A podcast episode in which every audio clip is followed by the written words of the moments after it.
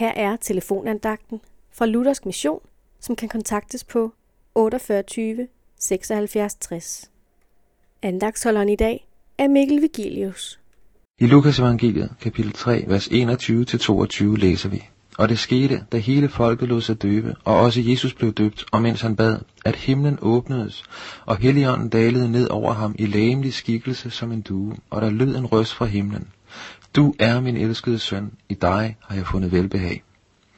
Jesus begynder sin gerning til vores frelse ved sin dåb, og han afslutter den ved sin korsfæstelse. Det er værd stanse for, hvad der sker ved disse to begivenheder.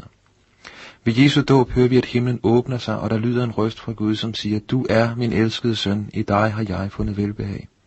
Og vi forstår, hvorfor Gud fandt velbehag i Jesus, for han var Gud og ren i et og alt. Han var retfærdig over for Gud. Men netop dette var det, Jesus så gav fra sig, da han gik til korset. Der påtog han sig i stedet al vores synd og skyld. Da han hang på korset, så Gud ham som den mest forbandede sønder, der har gået på denne jord. Og der skete præcis det modsatte af det, som skete ved Jesu dåb. Himlen lukkedes over ham. Gud stødte ham fra sig, og han måtte råbe, Min Gud, min Gud, hvorfor har du forladt mig? Det var for vores synd, Jesus blev forladt af Gud. For at vi i stedet kunne blive tilregnet hans ren renhed og retfærdighed og få fællesskab med Gud.